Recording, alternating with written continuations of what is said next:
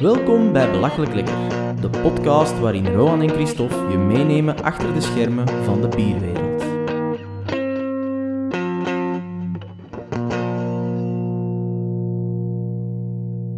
Belachelijk lekker gaat internationaal. We staken de grens over naar Nederland en reden tot in Nijmegen. We zijn aanbeland bij de brouwerij van Nevel. Matthias, bedankt om ons te ontvangen en ons te woord te staan. Ja, graag gedaan. Leuk dat jullie zijn. Voor degenen die Nevel nog niet zo goed kennen, hoe zou je zelf je brouwerij omschrijven?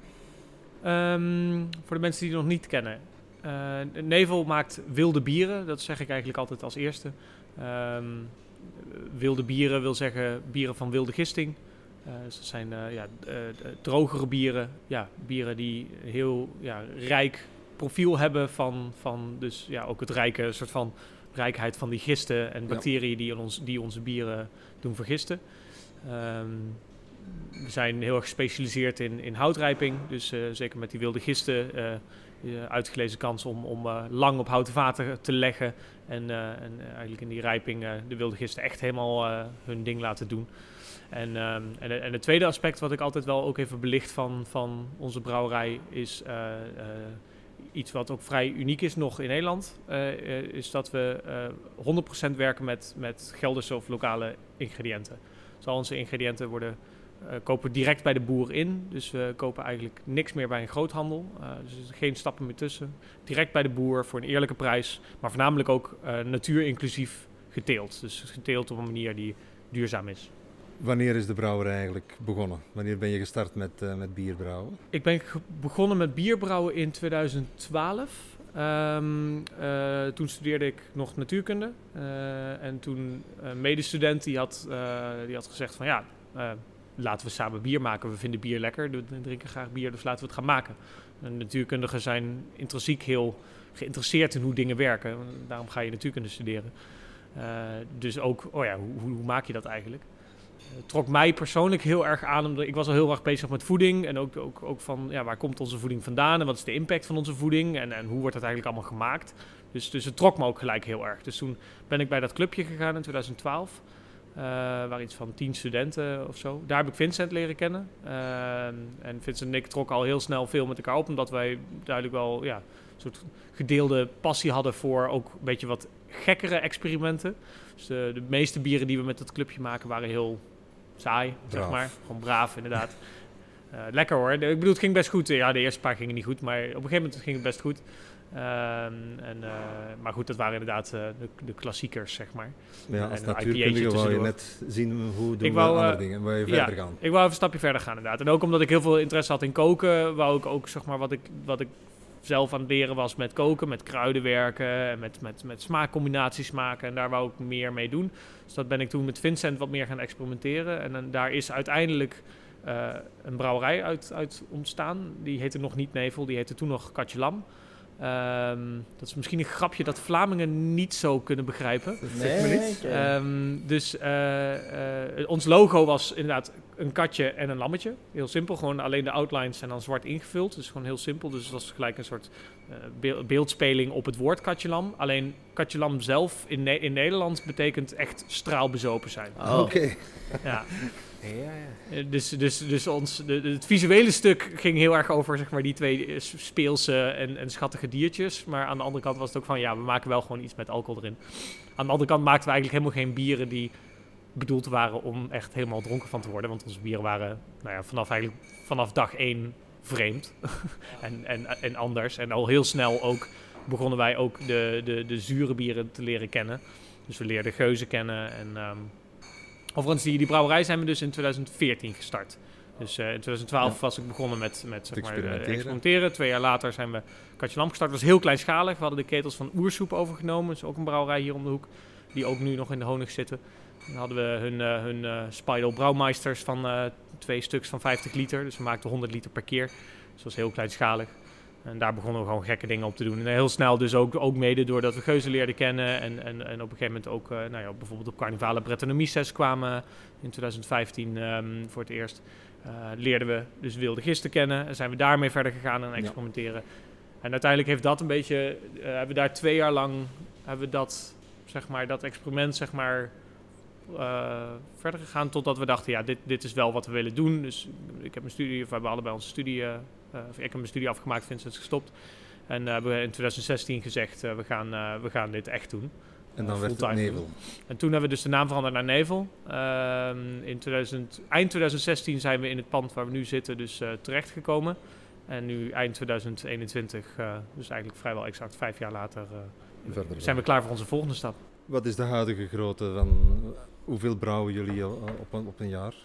Eh, ja, ik vergeet het altijd het exacte. Eh, ik zeg meestal voor het gemak gewoon 500 hectoliter, dus eh Ja. 50.000 liter. Eh, om, en- om en nabij. Ja. Toch een mooie plas. Ja. Ehm, ja. Over plas gesproken. Hebben jullie dorst? Want eh, jullie vroegen net ook al of jullie Ja. wat wouden drinken. Oh, dus, het drinken, ja. Ik dacht, maar eh, inderdaad. schenk eh, alvast even wat uit. Oeh. Ah, flinke plas, als in ehm 50.000 liter. Het klinkt misschien heel veel als persoon, maar in, in brouwerijtermen is het, eh, niet, het niet zo heel erg veel. Oké. Wat, wat hebben we hier nu gekregen van u? eh, wat is, eh, Jullie hebben Weide. Ehm Weide is eigenlijk ehm, ons meest toegankelijke bier zo'n beetje. Nou, dat is niet helemaal waar misschien, maar ehm, ons meest doordrinkbare bier. Dat is denk ik wel het goede woord. Ehm, het, is een, het is een beetje geïnspireerd op een grisette. Eh, dus een, een, ja, een wat ouder type, eigenlijk ja, arbeidersbier uit, eh, uit België en Frankrijk. Ehm, en de bedoeling, ja, de bedoeling van dit bier is, is, is dat het gewoon lekker drinken is. Dus, dus heel droog, veel bitters. Ehm, wel heel, heel fruitig nog. Er zit veel eh Spalter Select in. Dus een bepaalde hopsoort eh, die eh, gewoon heel, heel fris en fruitig is. Maar wel nog de typische soort van wilde, wilde, wilde karakters van, eh, van, eh, van, de, van de bret. ja, ja, ja. Dus heel erg, ja, een van de eerste bieren die, een van de eerste wilde bieren die ik dronk, waar ik ook echt heel erg van onder de indruk was, was ehm, eh, van Jester King uit Amerika, Ja. eh, Le- Le Petit Prince. Die op zijn beurt dus weer geïnspireerd is door de Belgische bieren. Eh, van 3,5% met dus echt ste- stevig gehopt. Ehm, maar gewoon heel hem- complex eigenlijk. Ik heb hem wel eens zien passeren, maar die heb ik nog niet kunnen drinken. Ik heb Eh, hem ook nog niet gedronken. Ik vind deze wel eh, zeer lekker. Hij is, eh, hij is ook, ik denk wel heel toegankelijk, ja, voor, eh, zoals Zeker. dat je het ziet. En niet zo hoog in alcohol, hè. Nee, Eh, Vier, oh, eh, 4,5%. kijk, 4%. Ideaal. 4%. Ideaal, eh. ja. Als we het over de grootte van de brouwerij hebben, met hoeveel mensen eh, werken jullie in de brouwerij? We zijn, nou, het hangt een beetje af hoe je telt. Ehm, als je even het proeflokaal niet meetelt, zijn we met eh, een vast team van zeven. Ja. Dus niet allemaal fulltime. Ehm, ik denk vijf, vijf in totaal. Als je het optelt naar FTE, Ja. naar fulltime uren, zeg maar, zijn het vijf, eh, vijf FTE. En jouw rol is brouwer dan? Of, eh? Ik heb meerdere rollen. Ah. Ehm, ja, ik ben een soort van een algemene bedrijfsleider, of hoe je het ook wil noemen. Ik vind het altijd een beetje vaag om mijn eigen titel te omschrijven. Ehm, eh, maar ik, ja, ik doe de algemene leiding en directie van, van het bedrijf. Ja. Ik doe ook het grote deel van het creatieve stuk. Eh, dus dus het, het, het ontwikkelen van de bieren, eh, de, de smaak een beetje intact houden. Ehm, maar ook ik doe het meeste stuk van nou ja, dit soort interviews en, en een soort van woordvoering. Ben ik ook wel wat dat betreft een beetje het gezicht. Eh, ehm. en, en nu eigenlijk brouw ik de laatste tijd weer heel veel. Ik heb een hele lange tijd niet zoveel gebrouwen, omdat we ook een brouwer in dienst hebben.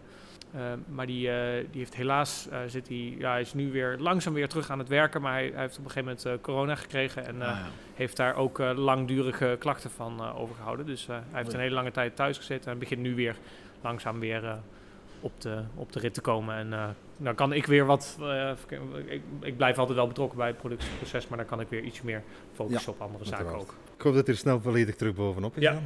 Binnenkort staat er een verhuis gepland, hadden we van jou gehoord. Zeker. Ehm, is daar een speciale reden voor? Eh, ja, omdat het moet. Ehm, we hadden in principe zelf ook nog wel even willen blijven. Ehm, maar we wisten van tevoren dat deze plek tijdelijk was. In principe hadden we een contract getekend tot eh, eind eh, dit jaar, eh, eind 2021. Eh, want deze plek was al van tevoren bekend, hier gaan woningen komen. Ja, jullie hebben- zijn hier net binnengereden, je, zag, je zag het al, Nijmegen wordt flink verbouwd en gebouwd. Dus er is ontzettend woning ook tekort hier. Ja.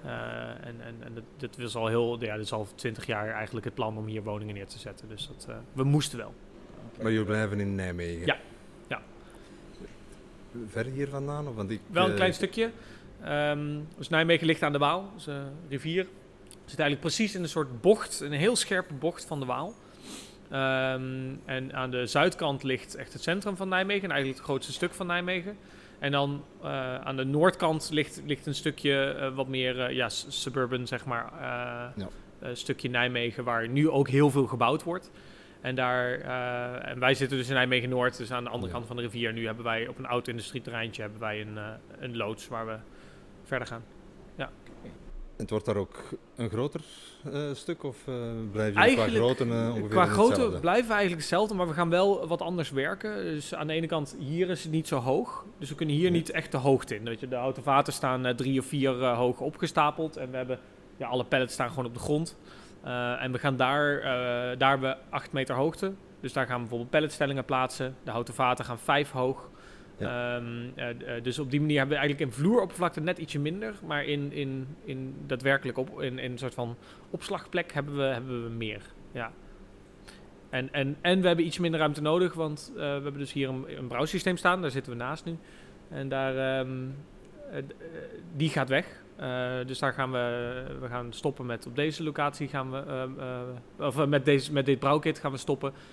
Eh, en er zit naast de nieuwe locatie, eh, op, op een paar minuutjes rijden afstand, zit een andere brouwerij. En die hebben ruimte over ehm, op hun brouwsysteem. En het was eigenlijk eh, ja, heel handig op die manier dat we dat zo konden oplossen. Ja, een mooie samenwerking eh, Mooie opstarten. samenwerking inderdaad. En ook wat dat betreft is het ook... Ik zie dat ook als een stukje duurzaamheid. Want ja, heel veel brouwerijen zetten een brouwhuis gelijk neer. Want ja, het is een brouwerij.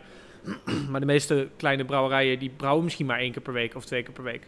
Dus ja, die staan eigenlijk het grootste deel van de tijd staan die brouwhuizen niks te doen. Ja. Dus waarom, waarom niet samenwerken en dat samen doen? En De nieuwe locatie is wel de bedoeling dat het een permanent... Het is niet dat je daar ook een tijdelijke... Nee, is ook tijdelijk. Ja. Ook tijdelijk. Maar dat is een keuze. Oké. Ehm, eh, eigenlijk, u- uiteindelijk hier op de Honig zou ook een keuze zijn geweest om, om, om, om tijdelijk te blijven. Uiteindelijk willen we als brouwerij, omdat we als brouwerij zo dicht op de natuur staan en zo dicht op onze telers en, en, en, en de plek waar onze ingrediënten vandaan komen, willen we uiteindelijk ook met onze brouwerij daar naartoe. Eh, dus het liefste gaan wij uiteindelijk naar het land toe, dus het, het, het, het platteland. En een, een, soort boerderij, brouwerij eh, opzetten waar we zelf kunnen telen en waar we dat ook eh, aan mensen kunnen laten zien. Van, weet je, eh, eh, eh, bier is een hartstikke mooi product. Een heel mooi product om een mooi verhaal bij te vertellen. En uiteindelijk een van onze missies als brouwerij is onze steen bijdragen in de voedseltransitie die echt gewoon eh, onontkoombaar is. We, Ja. we moeten als, als mensheid op een andere manier gaan, voedsel gaan produceren. Want het kan, of in ieder geval dat is mijn mening, het, het kan niet langer zoals we dat nu doen. En ehm, eh, dus, dus ja, de, de Ja. geglobaliseerde kapitalistische zeg maar, eh, marktwerking op gebied van voedsel werkt wat mij betreft mijn inziens niet. En wij willen dat anders doen, maar ook anders laten zien aan mensen. Van ja, weet je, di- dit kan anders. En dat willen wij laten zien aan mensen. Oh. Ik vind, het, ik vind het mooi dat brouwerijen daar ook heel hard eh, mee bezig zijn. Ik zeg niet allemaal, maar we waren onlangs in een andere brouwerij, bij Brouwerij De Luiten, Ja. die ook heel hard bezig is van water, eh, hoe weinig eh, heb je nodig om eh, een liter bier te maken, Ja. hoe kunnen we zoveel mogelijk hergebruiken, hoe gaan we onze energie neutraal maken als brouwerij, dat je daar als uiteindelijk maar een kleine onderneming toch heel hard mee bezig bent om je steentje eraan aan bij. Ik vind dat mooi. Ja. Dus nu komen we dan bij jullie en we krijgen opnieuw dat, eh, dat verhaal. Ja, dat is mooi. Ja. Het, valt, het valt op. Brouwers zijn ermee bezig. Ja, ja, ja. Sommige. Sommige. Ja, Ja, sommige. Eh, nog, niet, nog niet genoeg. Maar het moet ergens beginnen en knap. Is er ook op de nieuwe locatie een eh, proeflokaal voorzien? Ja. Alright. Ja, gaan we ook doen. Ehm, dus eh, ja, het wordt daar qua charme wel wat anders natuurlijk. Want het is daar echt nog, nog ietsje... Ja, hier is het zeg maar industrieel op een Berlijnse manier. Ja. Ehm, eh, en daar is het gewoon... Ja, er moet nog charme komen, zeg maar. Oh. Maar er komen heel veel mensen omheen wonen. Ehm, eh, dus, dus er zijn wel een hele hoop mensen die ook wel... En, en heel weinig horeca. Dus we hopen ook heel erg zeg maar, mensen, mensen uit de omgeving te trekken. En, en we gaan het gewoon, zoals we het noemen, vernevelen. Ja. Eh, dus, dus ja, het is nu een, een, een saai gebouw, maar wij gaan daar waarschijnlijk ja, veel met, aan de buitenkant veel met groen werken. Dus gewoon zorgen dat we daar eh, ja, toch, toch wat weer, weer de natuur toch een klein beetje dichterbij trekken. En ook aan de binnenkant, het is nu een kale loods, maar dadelijk zal dat er niet meer zo uitzien.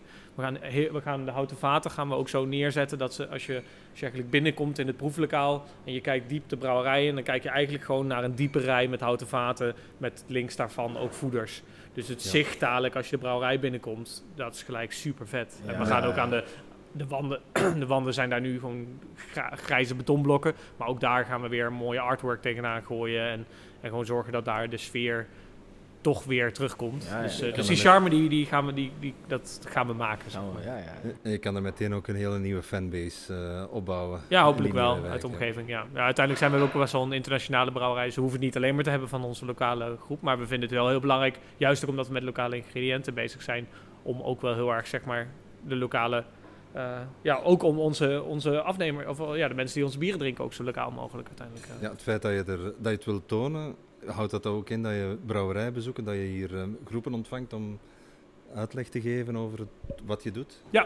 Dat doen we ook wel, eh, wel alleen maar op aanvraag. Eh, eh, ehm, dus eh, bijvoorbeeld vanmiddag heb ik een rondleiding, Ja. toevallig. ehm, wat thuisbrouwers die, die langskomen om te kijken. Maar inderdaad, op aanvraag doen we, dat, doen we dat zeker inderdaad, ja. En ook, ja, we hebben altijd het idee gehad van, ja, we, het proeflokaal is in de brouwerij, dus je ziet het gewoon. En, Ja. en, en ook de medewerkers in het proeflokaal weten meestal ook wel het een en ander daarover te vertellen. Dus als je het wil weten, dan, dan is daar ook de mogelijkheid toe. Wij zijn eh, als Belgen heel hard vertrouwd met eh, hoe het gaat eh, bij de lambiekbrouwers, Ja. Hoe gaat het bij Nevel in zijn werk? Is dat ook met open vergistingskuipen, zoals de, de lambiekbrouwers dat doen in België? Of, eh, of is dat hier anders? eh? Het is hier best wel anders. Ja, dus eh, natuurlijk hebben we inspiratie ook wel gehaald uit, uit, uit hoe ze het doen in België en bij lambiekmakers. Ik ben ook een groot liefhebber van Geus en lambiek.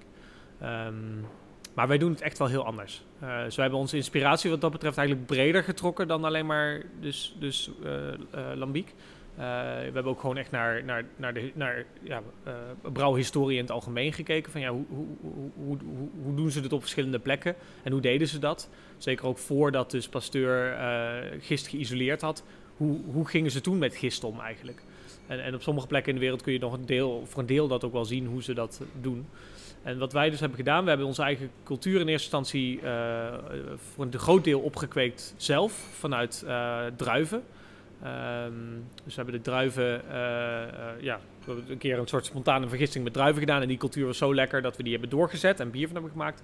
En daar hebben we later nog een cultuur aan toegevoegd eh, van ehm, eh, een samengestelde cultuur van allemaal verschillende thuisbrouwers en professionele brouwers over de hele wereld. Die allemaal van dit soort wilde culturen samen hadden gevoegd in één cultuur.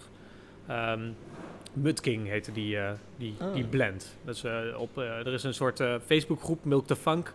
Dat is zo'n een, ja, een soort forum eigenlijk, maar dan op Facebook met, met, met allemaal thuisbrouwers en professionele brouwers samen in één groep die allemaal het, hebben over wilde gisting. Ja. En, en, en, en, en dat project was daaruit ontstaan en daar hebben we ook aan meegedaan. En dus onze cultuur, we hebben onze cultuur dus gemengd met die Mudking en dat is onze huiscultuur geworden. En die huiscultuur, dat kun je eigenlijk een beetje zien zoals een zuurdesemcultuur met brood ook. Van, het is een soort levend iets wat je in leven houdt. En, en wat je... ehm, eh, wat we elke keer opnieuw oogsten. Dus wat we, we Ja. gebruiken een techniek die heet topcropping in het Engels. Dus in Engeland wordt het ook nog veel gebruikt. Eh, waar je dus de gist van bovenaf tijdens de hoofdvergisting afschept. Eh, en dat is eigenlijk de meest gezonde gist, die zit daar bovenin. En die scheppen we af, bewaren we. En dan de week daarna gaat het weer terug in de, in de gistingtank. En dan gaat het weer verder. En zo blijven we dat continu gebruiken. En, en, maar de basis is dus origineel wel spontaan of wild. Dat is de, de, de, basis. En, eh, maar nu hebben we hem een klein beetje gedomesticeerd. gedomesticeerd Eh, dat, die, eh, ja, dat, dat die cultuur nu gewend is aan, aan, aan, aan, Ja. aan ons brouwhuis. En ook relatief constant eigenlijk gewoon zijn ding doet. Nu, ehm, de laatste jaren zijn er eh, meer en meer eh, brouwers en stekers ook eh, bijgekomen.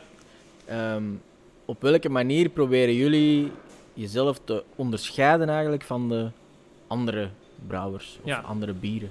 Ja, ja eh, misschien in context van andere wilde vergistingen. Ja, de wilde ja, vergisting, ja. Ehm, op een aantal vlakken. Ehm, dus aan de ene kant heel erg dat, eh, die, die focus op lokale ingrediënten. Want dat is eigenlijk heel veel van... Ja, eigenlijk alleen Drie Fonteinen is een goed voorbeeld die daar ook echt heel bewust mee bezig is. En we hebben daar ook heel goed, goed contact met hun over. Eh, van ja, hoe doen jullie het? Dat is een mooie uitwisseling. Eh, maar dat is wel iets wat echt voor ons een heel ja, een uniek is, iets is wat we, wat we heel erg op focussen. En een ander ding is wat meer aan de smaakkant. Eh, wat je steeds meer ziet, wat je überhaupt ziet heel erg bij, bij, bij zeker de, bij veel, veel biergeeks of bierliefhebbers, eh, dat die vaak, omdat ze samen drinken, kleine hoeveelheden, dat ze vaak voor de extreme bieren gaan. Eh, dus extreme smaken, heel veel fruit, eh, hoge zuren. ehm, en dat wordt vaak heel hoog gewaardeerd. Maar dat zijn niet de bieren die wij willen maken. Wij, wij willen iets wat drinkbaar is, wat, wat ook al is het zuur, toch een bepaalde toegankelijkheid heeft. Eh, waar je een hele glas van, eh, van drinkt. Waar je een heel glas van drinkt. Precies, waar je een heel glas van drinkt. Waar de, subtilit- waar, de- waar, de, waar de complexiteit in de subtiliteit zit. In plaats van complexiteit in een soort van excess. Ehm, dus onze smaken zijn altijd heel erg gebalanceerd. Zijn, ehm, eh, komen heel erg zeg maar, samen, waar verschillende elementen, dus alle elementen van bier komen, kun je terugproeven. Dus het is niet zo dat het fruit totaal alle andere smaken overstemt. Het fruit is in samenspel met alle andere ingrediënten. Je proeft nog steeds de complexiteit van de wilde gist. Je proeft ook de bitters van de hop. Je proeft ook de moutkarakters. Dus, dus alles komt uiteindelijk een beetje samen. En dat is, denk ik, die, dat smaakstuk, dat is iets wat ons wel echt wel uniek maakt. Ehm, wat op zichzelf ook weer een uitdaging natuurlijk is, omdat, nou ja, het gaat een beetje tegen de tendens in Ja. Die nu in de, in de, in de bierwereld heel erg gaande is, namelijk eh, extreem. Eh, dat zie je zeker eh, in, de, in de pastry bieren. Dat is, dat is een overtreffende trap natuurlijk van, nou ja, het Ja. exacte tegenovergestelde van wat wij aan het doen zijn. Maar als iedereen het zou doen, dan heb je natuurlijk ook weer...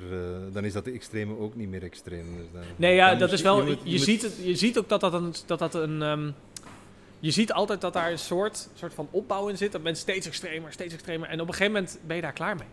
Want nieuw is op een gegeven moment niet nieuw meer. En, dan, en als het niet meer nieuw is, ja. En, en op een gegeven moment ben je ergens beland waar dat nieuwe gewoon echt niet lekker meer is. Ja. En daar zijn we denk ik ongeveer beland. En Niet iedereen heeft dat door, maar ik moet daar zelf gewoon. Ik word er, ja, ik word er gewoon een beetje verdrietig van, zeg maar. Wat, wat dan in zo'n glas zit. Dan denk ik echt, ja, dit is toch simpelweg niet meer lekker. Dit is, dit is niet meer... Ja, ik ben misschien overkritisch daarop, maar... ehm, ja. Maar ik denk wel dat we op een punt zijn dat op een gegeven moment... En dat zie je bij heel veel bierliefers en ik zie het bij heel veel mensen om me heen. Die ze hebben die fase gehad van dat ze dat lekker vinden. En op een gegeven moment is het klaar. Dan denk ze, ja, Ja, dit is, de het is slingerbeweging een gimmick. andere Het is een gimmick, het is klaar. En dan gaan ze pils drinken en wilde bieren drinken. Dat is goed voor jullie. Als we ook nog eens pils zouden maken. Je hebt dat twee keer benadrukt dat je met die lokale leveranciers. Ja. En, eh, dus dat dat heel, heel belangrijk is voor u. Maar lukt het ook effectief voor al je ingrediënten? Dat, eh, Ja. Dat is Ik kan me best voorstellen dat graan hier wel get- geteeld kan worden, maar ook de hop. Ja. eh, Alles.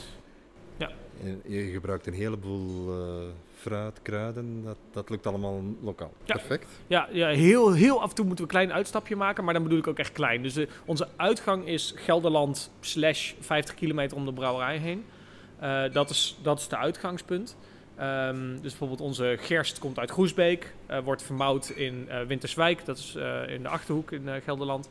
We hebben twee hoofdhoptelers eh op dit moment. Eh, we zijn nog altijd op zoek naar, naar nieuwe, nieuwe, samenwerkingen. Eentje zit in Gelderland, eentje zit in Brabant.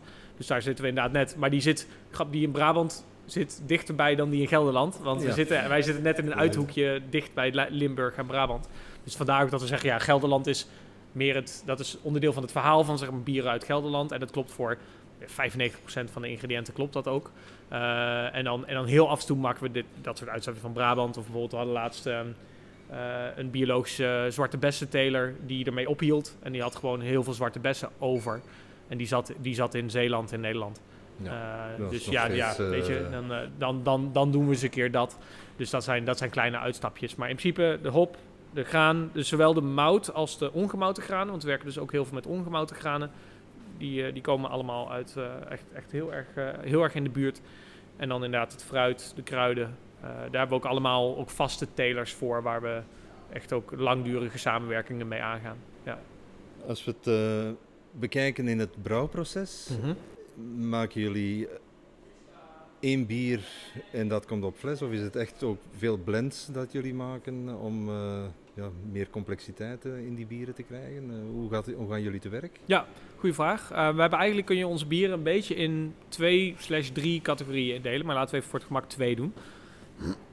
Ehm, aan de ene kant hebben we onze tankgerijpte bieren. Dus dat zijn onze bieren die we in, in RVS, of in, zoals ze in België zeggen, inox tanks Ja. ehm, eh, eh, eh, rijpen.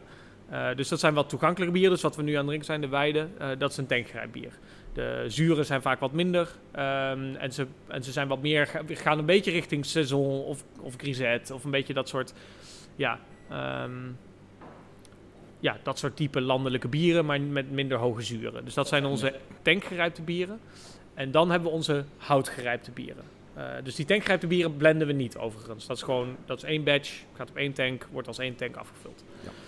De houtgerijpte bieren, de meeste daarvan worden geblend inderdaad. Daar, daar pakken we dus van verschillende leeftijden pakken we vaten. We pakken vaak tussen de vier en zeven vaten om te blenden. Dus wij hebben barriques, eh, dus dat zijn eh, 225 liter eh, houten vaten, grotendeels Franse eik. Ehm, eh, waar we dus die bieren op rijpen. Ehm, meestal rijpen we voor de meeste bieren zo anderhalf jaar gemiddeld.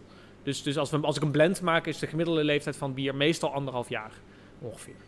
Dus dat is ongeveer even oud als de meeste geuzes zijn. Dus ook tussen Ja. anderhalf en twee jaar oud. Als je de, de, want dat is Ja, 1, 2, heel. 3. Zij doen heel expliciet zo 1, 2, 3 jaar. Wij doen dat niet, want wij hebben geen brouwstop. eh, omdat wij geen koelskip gebruiken. Omdat wij, zoals ik eerder zei, die gist gewoon pitchen. Ehm, dus wij hebben geen brouwstop in de zomer. Dus wij brouwen gewoon de hele tijd door. Dus, Ja. Maar ik, gebruik, ik maak wel gebruik van hetzelfde idee van jong en oud blenden om verschillende elementen aan één eh, bier toe te voegen.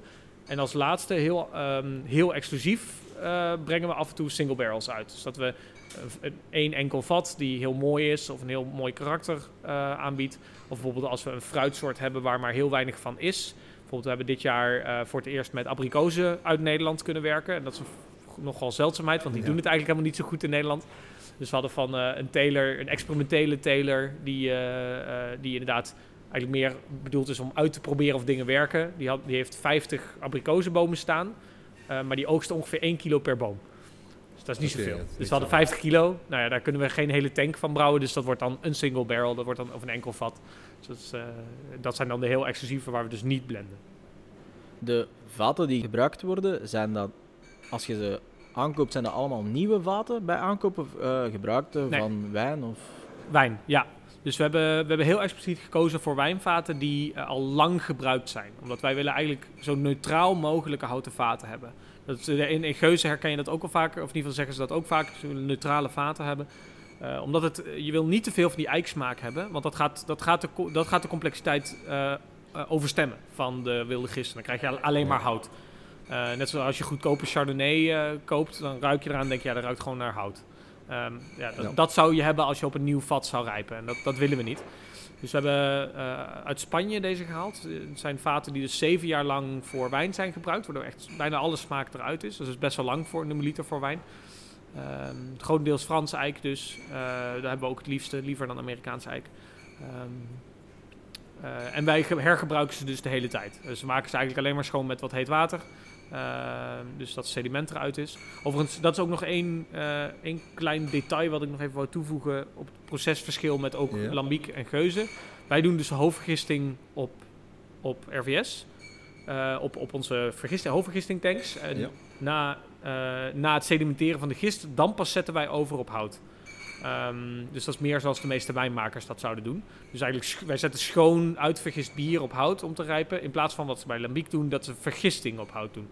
Dus onze houtvaten zijn ook niet zo vies, omdat er geen hoofdvergisting op is gebeurd. Je kan er ook veel, veel ve- verschillende eh brouwsels na elkaar dan ook in, eh, zonder problemen in. Ja, zeker. Hebben jullie in de, de bieren die op de houten vaten, op de barrieken hebben gelegen, hebben jullie daar een constante in? Is één bier verschillende jaren na elkaar opnieuw, maken jullie telkens opnieuw hetzelfde bier? Nee, eigenlijk zit er heel veel variatie in. Ja, Want dat Eh, wordt veel moeilijker als we dat in die, in die houten vaten, je moet die blends gaan doen, dus dat is... eh, ja die blends moet je elke keer opnieuw doen. ja. Dat is, eh, het is niet alsof je naar het blaadje van vorig jaar kan kijken en gewoon die, oh ja, die, vaten klaar. Nee, daar werkt het, zo werkt het niet. Nee, je moet echt, elke blend is vanaf de grond af opnieuw gemaakt. Omdat we elke keer, elke batch, inderdaad, is eigenlijk heel anders. Dus ook, dat is ook weer heel anders als bij Lambiek. Bij Lambiek is eigenlijk altijd exact dezelfde basis. Gewoon hetzelfde mout, hetzelfde graan, alles hetzelfde. Ehm, eh, misschien de enige variatie bij Lambiek is zeg maar dus waar de oude hop vandaan komt. Want daar moeten ze natuurlijk altijd ja, moeten kijken wat ze kunnen krijgen. Dat geldt ook voor ons. Dus ook die oude, we gebruiken ook overjaarse hop, maar we gebruiken ook verse hop. Dus sommige, sommige van onze basisbieren gebruiken overjaarse hop in en sommige verse hop. Vers op gedroogd, maar wel jonger. Ja, ja. Dus het hangt van het basisbier af dat we brouwen. Maar ook de granen wisselen we ook mee door, ook afhankelijk van wat er beschikbaar is. En wij gebruiken maar vaak meer verschillende soorten granen. Dus we gebruiken vaak rogge, emmer, tarwe en spelt. En dan natuurlijk gerst. Eh, maar soms maken we bijvoorbeeld ook bieren waar we boekwijd aan toevoegen. Om weer een specifiek nieuw karakter eh, te geven. En ook die ja, gaan we ook weer, ja, die kunnen we weer gebruiken om te blenden. Om zo, ja, we hebben eigenlijk een heel breed scala aan, aan verschillende smaken in onze houten vaten. Dus ook, en ook de bitter, dus de hoeveelheid hop variëren we ook. Dus van heel bitter naar wat minder bitter. Eh, dus hoe bitterder vaak het wordt, hoe minder snel het verzuurt. Dus dan hebben we zo ook vaten die heel bitter zijn met weinig zuren. Hebben we vaten met minder bitters met meer zuren. Dus zo kunnen we zo die variatie inderdaad gebruiken om uiteindelijk zeg maar, ja, de complexiteit elke keer opnieuw op te bouwen. Voor ons is, zijn de bieren niet altijd even gemakkelijk te verkrijgen natuurlijk in België. Het is niet zo wijd verspreid. Natuurlijk moeilijk met, eh, met 500 hectoliter kan je niet eh, Mhm. overal eh, even goed brengen. Maar in, ik denk dat de beste en de grootste zekerheid is het abonnement dat Ja. jullie aanbieden. Zeker. Hoe, hoe ben je op dat idee gekomen om het op die manier te gaan vermarkten? We hadden dat idee al langer, maar tijdens corona, dus eigenlijk net van de start van corona, hadden we zoiets van ja, nu, nu moeten we bijna wel. Eh, om, omdat, eh, dus toen in, in, eh, in wat was dat, april of maart eh, 2020, Ja. vielen alle verkopen weg. Horeca ging dicht, winkels kwam bijna niemand. Ja, winkels gingen wel ietsje beter dan normaal, omdat de horeca allemaal dicht was. Maar ja, horeca was dicht. En daar ook, ja, wij hadden ook gewoon, ja, daar leunden wij voor een heel groot deel van onze omzet op. We hadden ons eigen proeflokaal, ehm, waar ook gewoon een, deel van onze omzet vandaan komt. Eh, en, en heel veel restaurants waar we mee samenwerken en cafés. Dus ja, er viel gewoon heel veel omzet weg. Dus toen moesten we ook wel gaan nadenken, oké, eh, we moeten even onze focus verleggen van hoe we gaan werken. Dus we hebben heel veel focus natuurlijk op onze eigen webshop gelegd. Eh, ook omdat, ja, je kon wel slijters gaan bellen, maar die werden helemaal lijp. Want elke, elke brouwerij had, ging slijters bellen met, oh, wil je ons bier hebben? Dus eh, ze dachten, oké, alle focus op onze eigen webshop. Eh, die hadden we al, maar zijn we toen heel veel zijn we gaan verbeteren en vernieuwen. En we hadden dus het idee, oké, misschien is er nu... Ja, je zag heel erg dat mensen steun wouden bieden aan de lokale brouwerijen. En we hebben best wel een, een redelijke achterban van mensen die ons heel tof vinden. Ehm, dus toen dachten we, ja, laten we dat gewoon proberen. Dus we zijn toen in, volgens mij april 2020 zijn we toen begonnen. Eh, toen hebben we dat jaar dus volgens mij vier boxen verzonden. Eén keer per twee maanden eh, kreeg je een box eh, thuisgestuurd. eh, tot het einde van het jaar. En toen, ja, eigenlijk op het einde van het jaar hebben we, eh, eh, dus het einde van 2020, hebben we een, een, eh, hebben even ja, enquête eruit gestuurd van ja, wat vinden jullie eigenlijk van? En, en heel veel mensen waren echt heel tevreden over. En toen zijn we dat blijven doen. En nu, eh, we zitten nu op 150 abonnees. Ehm, en we willen eigenlijk een beetje langzaam groeien. Eh, dus we, het eerste jaar hadden we er 100. Nu hebben we er 150. En we willen eigenlijk dit jaar naar, eh, of dus de aankomende ronde willen we naar 200 abonnees. Je moet ook toegelaten worden als abonnee, zeg ik. Is het Ja, toegelaten worden. ehm, eh, het, is, het is niet zo bij ons dat je eh, dat de kans heel. eh, De kans is groot dat je wel gewoon een, een plek krijgt. Het is niet zoals bij bijvoorbeeld, eh, wat is het, antidoot, dat je eh, 5000 aanmeldingen hebt en maar 200 plekken of zo. Ja. In principe kun je, kun je, als je op tijd bent, heb je gewoon een abonnement. Ja, het, is niet, het is niet in één seconde uitverkocht. We hebben niet inderdaad de hype. die je nog niet. Ja, en we zijn ook wat groter, hè? Dus een, Ja, eh, is gewoon echt heel erg klein. Wij zijn klein, maar ja, weet je wel, veel van onze collega's zijn nog veel kleiner. Ja. dus eh, je, maakt zeker nog kans. Dus eh, we, we- wel natuurlijk onze abonnees, onze huidige abonnees en bijvoorbeeld onze crowdfunders, die krijgen wel voorrang. Tuurlijk. Ehm, en, eh, en daarna gaat het naar het open publiek. Dus in december ongeveer gaan we de, kun je, we weten nog niet precies wanneer, maar in december gaan we dat opengooien en kun je je aanmelden. En ook Belgen kunnen dus zich ook aanmelden, want in principe doen we dat gewoon door heel Europa heen. Oké. En overigens, wel grappig, eh, België is ons tweede beste land als het gaat om verkoop, na Nederland natuurlijk. Aha. Dus eh, En toch nog stiekem, eh, stiekem doen, eh, drinken in België toch nog best wel wat mensen neven. Ja. Ja, het is ook lekker. Dus, En terecht, ja, Er is ja. geen geen enkele reden om het niet te drinken. vond het wel frappant, want ik dacht, ja, jullie hebben Geuze. En Geuze is ja, over het algemeen in België best betaalbaar. Ehm, Terwijl onze bieren dan, ja, de- als je de stappen naar een ander land maken, wordt het toch altijd duurder. Dus ik vond het, ik vond het wel frappant dat dat zo was. Maar ja, in België zoeken mensen het echt op. En we hebben ook op de webshop echt een aantal hele vaste, vaste, vaste klanten die eh, bij ons bestellen. Ja, we zitten hier ook omdat we het eh, graag drinken. Ja. Dus, eh, en we jou ontmoet hebben op een festival Ja. in België. Dus eh, we zijn blij dat we internationaal gaan, zoals we dat noemen. Ook al is het maar twee uurtjes rijden, eh, we zijn wel de grens overgegaan. Maar eh, ja, de- we, we lazen ook dat ehm, Meander verkozen is tot beste bier van Nederland Ja. van 2021. Ja. Hoe ging dat in zijn werk? Want eh, kan je over alle categorieën één beste bier kiezen? Dat- Ja, of dat, of, dat kan, of dat kan is een andere vraag. Maar ze doen het wel. Ja. Dus hoe die wedstrijd werkt. eh, in België heb je ook de Brussels Beer Challenge. En, Ja. de, en de Dutch Beer Challenge is eigenlijk van dezelfde organisatoren. ja. Eh, eh, en, maar de Dutch Beer Challenge is eigenlijk exclusief voor Nederlandse brouwerijen. Dus je kan ook alleen maar meedoen aan de Dutch Beer Challenge als je een Nederlandse brouwerij bent. En dat is anders dan de Brussels Beer Challenge. Want ik zou ook kunnen meedoen aan de Brussels. Beer Challenge. Doen we niet, maar we zouden wel kunnen. Ehm, en eh, de Dutch Beer Challenge, ja, je hebt dus net zoals heel veel andere bierwedstrijden gewoon allemaal categorieën. En in die categorieën kun je een medaille winnen. Nou, brons, zilver, goud, zoals normaal. En dat doen ze op basis van een puntenscore. En wat ze op het einde dan doen, is gewoon die puntenscore, dat is gewoon een, ja, dat is gewoon een getal. Wat op basis van de, van de proefformuliertjes ontstaan. En op het einde kijken ze gewoon letterlijk naar de nummer, degene, de, de proefformulier met de hoogste punten. Oké. En dan, dan gaat er nog één kleine selectie overheen en dat is of het bier regelmatig wordt uitgebracht. Als het een one-off is, dan kan het niet de wedstrijd winnen. Dus als het iets Ja. is wat, eh, ja, een collab of zo die maar één keer uitgebracht dan kan het niet het beste bier van Nederland winnen. Eh, maar Meander wordt één keer per jaar uitgebracht, eh, dus die heeft de wedstrijd gewonnen. Dus die had het hoogste mooie- punten van alle, wat is het, 570 ingestuurde bieren. Dat is een mooie herkenning van. Dat is eh, een heel mooie werk. herkenning, ja. Daar waren wij ook erg verrast over, moet ik zeggen. Ja. Dus, eh, ja, ik, ik was ook verrast omdat het een zuur bier als Ja. een beste bier, dat is niet, eh, het is niet het meest toegankelijke Nee. biersoort om dan die prijs te winnen. Dat is Ja. wel, wel heel mooi. Eh, in welke categorie zaten jullie dan oorspronkelijk? Bread and sour. Oké. Ja, dus eh, de categorie was, eh, was wat dat betreft gewoon de, de, de juiste categorie. Daar hadden we dus ook hout natuurlijk in gewonnen. Maar eh, ja, daarna die overall is gewoon, ja. En de, de jury was echt, echt, nou ja, die was, ik hoorde achteraf in ieder geval dat de jury, eh, dus Meander inderdaad echt, echt, eh, ja, gewoon laaiend enthousiast over waren. En vandaar ook dat hij zoveel punten heeft gekregen, omdat ze gewoon dachten, ja, dit is... Merken jullie dat, dat jullie daar ook een grotere naambekendheid door gekregen hebben? Of, of nog andere voordelen van ondervonden hebben? Ja, absoluut. Ja. Nou dus Meander zelf was toen heel snel uitverkocht, want het was toen al bijna uitverkocht. We hadden al bijna niks meer, dus dat ging, dat ging heel snel.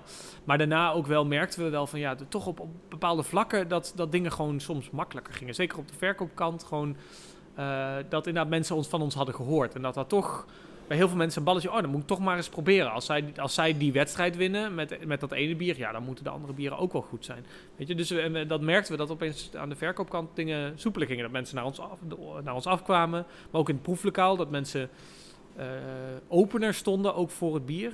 En dat is ook een ding, van het is inderdaad een zuur bier. Maar heel veel mensen, als ze voor het eerst een zuur bier drinken, dan denken ze, dit is fout. Dit klopt niet. Weet je wel, dat is een soort van, het zit in een hoofd, bier hoort niet zuur te zijn. Dus als het zuur is, is het fout.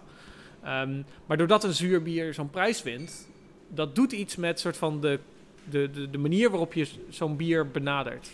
Ehm, en, dan, en dan als je dan weet, oh ja, dit is een brouwerij die bieren, zu- zure bieren maakt. En dat hoort, want ja, eh, blijkbaar wint het een wedstrijd. Dan merk je opeens dat mensen die nog nooit een zuur bier hebben gehad... en dan hier bijvoorbeeld in het proeflokaal, nou ja, Meander of een ander bier drinken... dat die opeens opener staan voordat Ja. het zuur is dan daarvoor. Dus dat was ook wel een grappig effect. eh. Dus, eh, Maar, eh, dat is ja. dubbel positief, want dat, Ja, dat brengt een hele stijl ook in de picture. In, Ja. eh, in- Maar eigenlijk dus sinds, ja, eh, eh, sinds die wedstrijd en sinds de, beetje het einde van de lockdown zijn we echt eh, eindelijk in, de, in, in een soort, eh, in, in echt een goede groeifase waar we al een tijdje een, eh, op aan het, nou niet aan het wachten waren, maar waar we waren als brouwerij, omdat we dingen best wel anders doen dan heel veel anderen, moeten we best actief zeg maar onze brouwerij in de markt zetten. En ook omdat we, we willen bijvoorbeeld ook heel graag bij restaurants gaan serveren. Ja, wij moeten gewoon tegen wijn opboksen. Dat kost heel veel tijd en energie om dat te doen. En dat hebben we gewoon heel lang gedaan. En daardoor zijn we qua, qua groei, zeg maar, nooit zo heel hard gegroeid. Wel een beetje natuurlijk, elk jaar wel steeds meer. Ehm, maar eigenlijk sinds de prijs en sinds het einde van de lockdown merken we dat het echt heel veel harder gaat. En nu zitten we opeens met voorraadproblemen. Dus dat is ook voor het eerst sinds het begin, zeg maar, dat we echt, Ja. echt met serieuze voorraadproblemen zitten.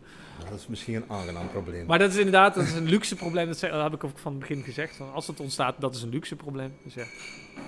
Ja, je, je, je had het net over dus die bier en gastronomie. Mhm.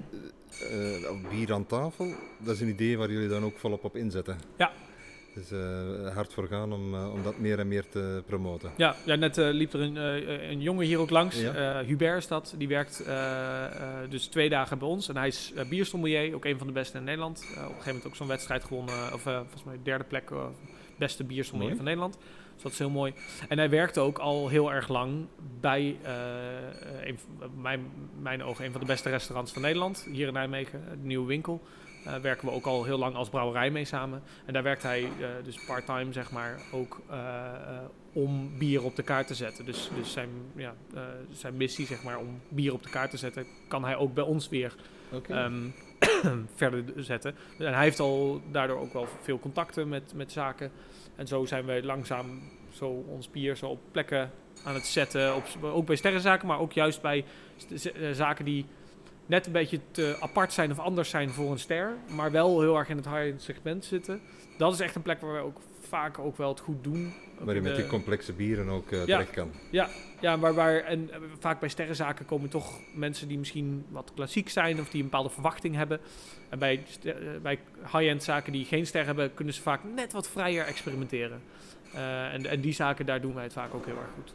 Dus dat is, eh, Ja, dat zag ik ook op jullie website, dat het eh, ook bij elk bier bijna eh, een heel mooie food pairing stond. klopt. Ja. Dus met een mooie foto erbij. Ja. Dat, is, dat is dan ook mede dankzij, misschien. nee, dat doe, dat doe ik. Ah, Ja, dus die pairings die, die bedenk ik. ja, nou ja, ik, niet, niet alleen ik, maar vaak als die pairings gemaakt worden, dan doe ik het voorzetje. Vaak hebben we het met het hele team daar wel nog over. Van oké, werkt het inderdaad? Ehm, maar het voorwerk inderdaad eh, probeer ik te doen. Want dat is, dat is meer ook ja, iets wat. Ik heb er niet voor geleerd, maar het is wel iets waar ik veel mee bezig ben. Maar hij helpt wel vaak ook wel, natuurlijk ook wel mee. En, en ik, eh, dat, dat zijn ook dingen die ook weer heen en weer gaan en eh, over gespart worden. En ook de, een ander ding, om nog één ding over inderdaad die food pairing te zetten. Wij Ja. organiseren één keer in de maand, of we proberen één keer in de maand, afhankelijk van maatregelen natuurlijk. eh, en Ja. verhuizing, verhuizing ongein. eh, eh, eten in de brouwerij te organiseren. Waar we dus inderdaad, nou ja, al die, alles hier, de hele ruimte vrijmaken en tafels de- neerzetten. tussen Tussen de vaten, in de brouwerij kun je dan dineren. En dan nodigen we een chef uit. Vaak dus chefs bij restaurants waar we ook mee samenwerken. Eh, om, eh, om een hele avond gevuld met bier en eten te organiseren. En eh, dat doen we ook voor expres, ook voor een best wel schappelijke prijs. Dus kun je voor 60 euro vaak een vier of vijf gangen diner, inclusief drank. Ehm, eh, dus ja, dat is echt best wel schappelijk, want dat kun je denk ik bijna nergens. Ja, zeker. Ehm, eh, en dat doen we ook expres ook. Van, ja, we, willen, we willen ook laten zien aan mensen, en ook mensen die misschien niet zo snel dat zouden doen, dat dit, eh, dat dit kan en dat dit werkt. Dus dat, eh, dat is superleuk. Dat doen we al, eh, dat doen we al drie of vier jaar. Eh nou ja, modelo corona dus. Maar Ja. ja, is toevallig niet vanavond. Nee. nee, helaas. In jullie gamma zien we ook een aantal hybride dranken. Mhm. Ik zag eh, een bier cider Ja. of bier cider hybride. Ja. Eh, Is dat een, een samenwerking met een cidermaker of hoe, hoe ben je daar eh Ja. bij terechtgekomen? Ehm, ja, die cidermaker, eh, v- die, eh, dat cider bier idee, dat was inderdaad een beetje in samenwerking met hun ontstaan. was al wel een idee die ik al wel eerder ook al wel dacht van, oh ja, daar wil ik iets mee doen. Eh, maar goed, er zijn wel meer ideeën waar ik iets mee wil doen. Maar nu inderdaad, eh, we werken veel samen met, eh met eh, Elegast, een cidermaker in Utrecht, eh, die ook heel erg op, vanuit dezelfde ehm, idealistische basis onderneemt als wij. Dus, dus de natuur is voor hun zeg maar het uitgangspunt en, en later ergens pas komt geld verdienen. Ehm, eh, dus, eh, ja, dus we hebben een heel erg eh, vergelijkbare grondbeginsel en basis. En, en vanuit daar was een beetje die samenwerking ontstaan. En toen dachten we inderdaad, ah, dit is superleuk om daar een samenwerking van te maken. Dus we hebben uiteindelijk twee versies gemaakt. Ehm, Dus wij hebben een, speciaal, dus een wortbatch gebrouwen. eh, en zij hebben specifiek voor dit project eh, sap eh, geperst. En dat hebben we uitgewisseld. Dus de helft van het wort hebben we naar hun gestuurd. En de helft van het sap is naar ons gekomen. Eh, dus, eh, dus de basis was hetzelfde van de twee, eh, van de twee hybrides. Ehm, dus evenveel wort ten opzichte van sap. Alleen de vergisting was dus totaal anders gegaan. Dus wij hebben het vergist zoals wij het normaal doen, dus met onze huiscultuur. En wij vergisten ook heel warm, dus op, op 30 graden ongeveer vergisten wij. Dus best wel warm voor, voor bier. En zij hebben op hun manier vergist, namelijk buiten. Zij vergisten altijd gewoon in de buitenlucht. En zij beginnen natuurlijk pas met vergisten als de oogst is geweest en is geperst. Dat, is, dat is meestal rond eh, oktober, november, december. Of oktober en november voornamelijk. En dan is het dus vrij koud. Dus zij doen een hele koude en dus ook een hele trage vergisting. Eigenlijk hun vergisting is pas afgelopen in het voorjaar als het weer warm begint te worden en de temperatuur oploopt en dus Ja. ook de vergisting af, afloopt. En ze hebben het toen vervolgens, na dus dat de vergisting af is gelopen, nog heel kort hebben zij het op houten vaten gelegd, of een deel. Maar wij hebben het al vrij snel naar de hoofdvergisting op hout gelegd. Eh, en ja, het eindproduct totaal verschillend. Dus, dus als je ze twee naast elkaar proeft, je proeft ergens wel een soort common, common factor, maar eigenlijk zijn ze helemaal anders. En dat is heel het. grappig, terwijl de basis hetzelfde is. Dat is het soort experimenten waar je in het begin ook heel hard Ja. van genoot, waar je nu Ja, opnieuw... eh, Nog steeds, ja. Dat, en het blijf, blijf ik leuk vinden om, om met nieuwe kruiden, nieuwe ingrediënten te werken. En maar we werken ook veel met, dus met wijn zijn we ook een beetje aan het, aan het wat, wat experimenten aan het doen. Dus hebben muze bijvoorbeeld brengen we uit. Dus dat is een bier waar we eh, op de schillen van druiven bier laten macereren. Ehm, dus dat is een beetje ja, oranje wijn-esk, maar dan dus niet dat het sap van de druiven op de schillen macereert, maar dus bier op de schillen macereert. Ehm, maar binnenkort komt eh, hoogtij uit. En dat is weer een ander type hybride waar we zelf een rode wijn, eh, natuurwijn hebben gemaakt. Dus natuurlijk vergist en zonder sulfiet. Eh, eh, en dat op houten vaten gelegd. En dat letterlijk gewoon die wijn gemengd met bier. Dus het is anders dan... Dus ja, op twee verschillende manieren een hybride. eh, maar op een andere wijze. En dit jaar hebben we ook weer dat, dat stukje van op schillen eh, laten rijpen. Dat zijn we nu ook met andere druivensoorten aan het doen. Dus die muze is met muscaris druiven. En we hebben nu Nederlandse, Nederlandse Chardonnay, Nederlandse Pinot Noir en Nederlandse Gamay. Van een specifiek wijnhuis die dus wel die traditionele wijndruiven heeft staan. Ja. Eh, hebben we dus ook, en daar zijn we nu, ja. Ik weet nog niet of het gaat lukken, of het, of het lekker wordt, maar dat, dat zien we wel. Dat is altijd Hopelijk komen er dus nog een hele reeks. Er komt nog een hele eh, reeks inderdaad aan. Dat, daar blijven we altijd. eh, maar we brengen ook we brengen geen losse wijn uit, maar wel bijvoorbeeld ook weer losse cider. Oh ja. Dus we, we brengen elk jaar oogst uit. Dat is een cider die gemaakt is van, echt, van ook ciderappels. Dus niet van handappels, maar ciderappels. En die komen allemaal uit het voedselbos in Groesbeek, waar we heel veel mee samenwerken. Ah, ja. Het is een eh, project dat heel veel nieuws is geweest, ook eh, vanwege ja, een soort van innovatieve karakter. Dus is het oudste voedselbos in Nederland. Daar halen wij heel veel verschillende ingrediënten vandaan. Eh, maar ook dus eh, de En dat appels. is ook hier in Gelderland, vlakbij. Ja. Groesbeek is, eh, is net onder Nijmegen. Dus dat, is, dat is, het ligt hier eh, een paar kilometer vandaan. Ja, het valt heel hard op hè, dat jullie ook in andere bieren van jullie zelf eh, heel verscheidene dingen gaan doen met ingrediënten, speciale ingrediënten. Ik las Mhm. ergens paddenstoelen in bieren verwerken en zo. Ja. Dat is allemaal niet zo vanzelfsprekend. Ja. Maar Het is meer mijn interesse in de natuur in zijn algemeenheid dat dat heeft veroorzaakt. En de reden dat ik natuurlijk in de ben gaan studeren heeft datzelfde bron. Van ik ben gewoon heel geïnteresseerd in hoe de natuur werkt en, en hoe alles in zijn, in zijn werk gaat. Maar, eh, maar ik heb ook gewoon een intrinsieke interesse in gewoon de smaken ook bijvoorbeeld van de natuur en de geuren van de natuur. Dus voor mij is een wandeling niet alleen maar het wandelen, maar ook het- de geur van het bos en alles wat daar, wat daar omheen zit. En dat probeer ik ook vaak weer terug in die bieren te verwerken. Dus de geur van de natuur, dus de geur van een, een, een, een, een, een weide, zoals daar Ja. is de bier ook letterlijk naar vernoemd. Ehm, maar we hebben bijvoorbeeld ook bier waar we verschillende boomsoorten in gebruiken. Basten is dat. Ja, dat ruikt gewoon naar een herfstbos. Als je dat bier ruikt, dan ben je bijna in een herfstbos. En, eh, en dat bier met paddenstoelen geldt een beetje hetzelfde voor. Ehm, en zo proberen we inderdaad die natuurelementen probeer ik in dat bier te verwerken met verschillende ingrediënten. En dat zijn vaak atypische ingrediënten. En daar kom ik die kom ik tegen bij die telers waar we dus eh, mee samenwerken. Dus, dus- dus vaak kende ik de ingrediënten ook zelf nog niet. En, eh, en dan laten ze me proeven en dan ontstaat er iets nieuws. Mislukt het ook wel eens? Soms, ja. We hebben één keer met kruisbessen gewerkt. Dat was echt dat was verschrikkelijk. Eh, daar kwamen echt, echt hele slechte smaken vandaan. Dus dat was, eh, dat was echt helemaal niks. Dus kruisbessen doe ik niet nog een keer. Dat was heel veel moeite om die te plukken. Dus dat, eh, dat gaan we niet nog een keer doen. Maar niet zo vaak. De meeste dingen gaan wel, gaan wel goed. Je hebt op voorhand wel al een idee van wa- in welke richting de, de, de smaken zouden kunnen... Vaak wel, soms verrast het je ook, maar vaak, vaak positief. Dus, die, die, dus, wat we, we hebben dit jaar voor het eerst dus met die abrikozen gewerkt. Ja, dat is echt waanzinnig.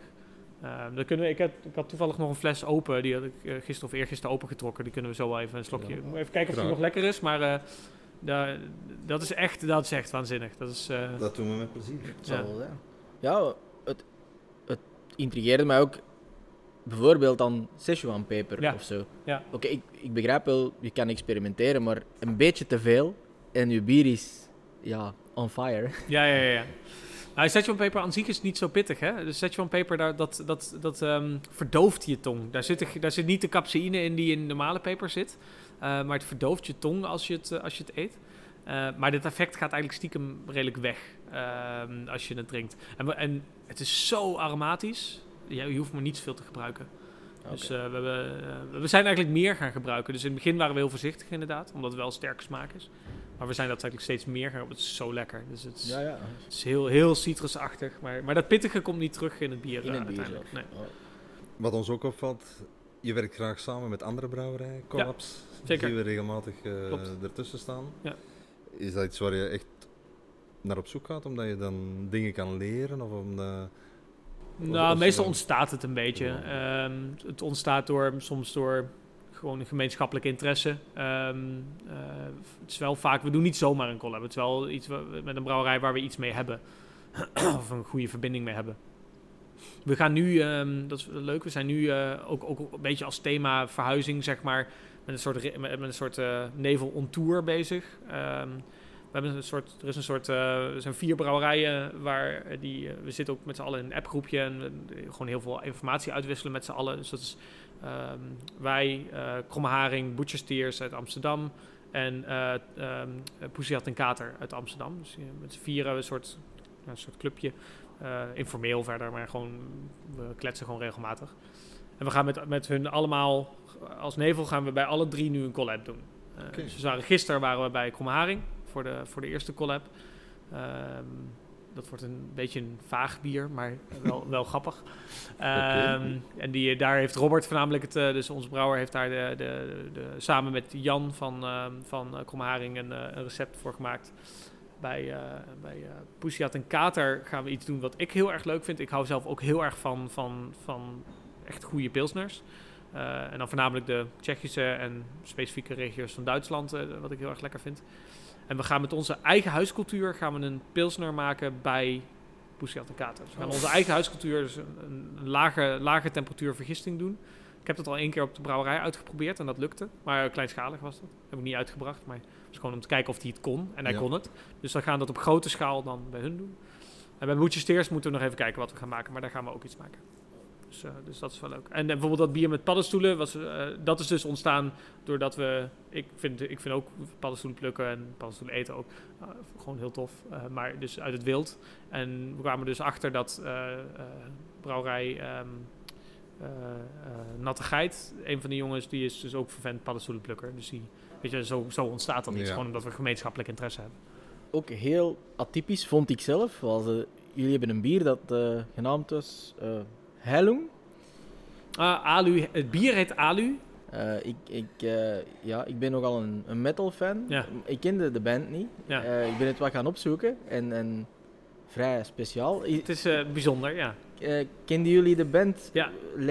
Hoe is dat ontstaan? Nee, ik kende de bandleden niet. Grappig is dat ook weer via de Natte Geit gegaan. Ehm, dus die brouwerij waar ik het net over had. Ehm, ik kende de muziek wel. Ik, ik was, ik heb het ook live gezien voordat dit helemaal... eh, en we gaan als het goed is 3 december eh, eh, ook hun live weer zien in Tilburg. Ehm, dus ik vond de muziek... Ik vind het heel mooie muziek. Het is een muziek dat heel erg... Ook weer... Ook, weer, ook, ook zijn, zijn soort, soort van grondslag ook bij de natuur legt. Zeg maar. Een heel belangrijke inspiratiebron voor hun als band. En daar, daar ja, ik verbind mezelf daar heel erg mee. Of in ieder geval voel daar verbinding mee.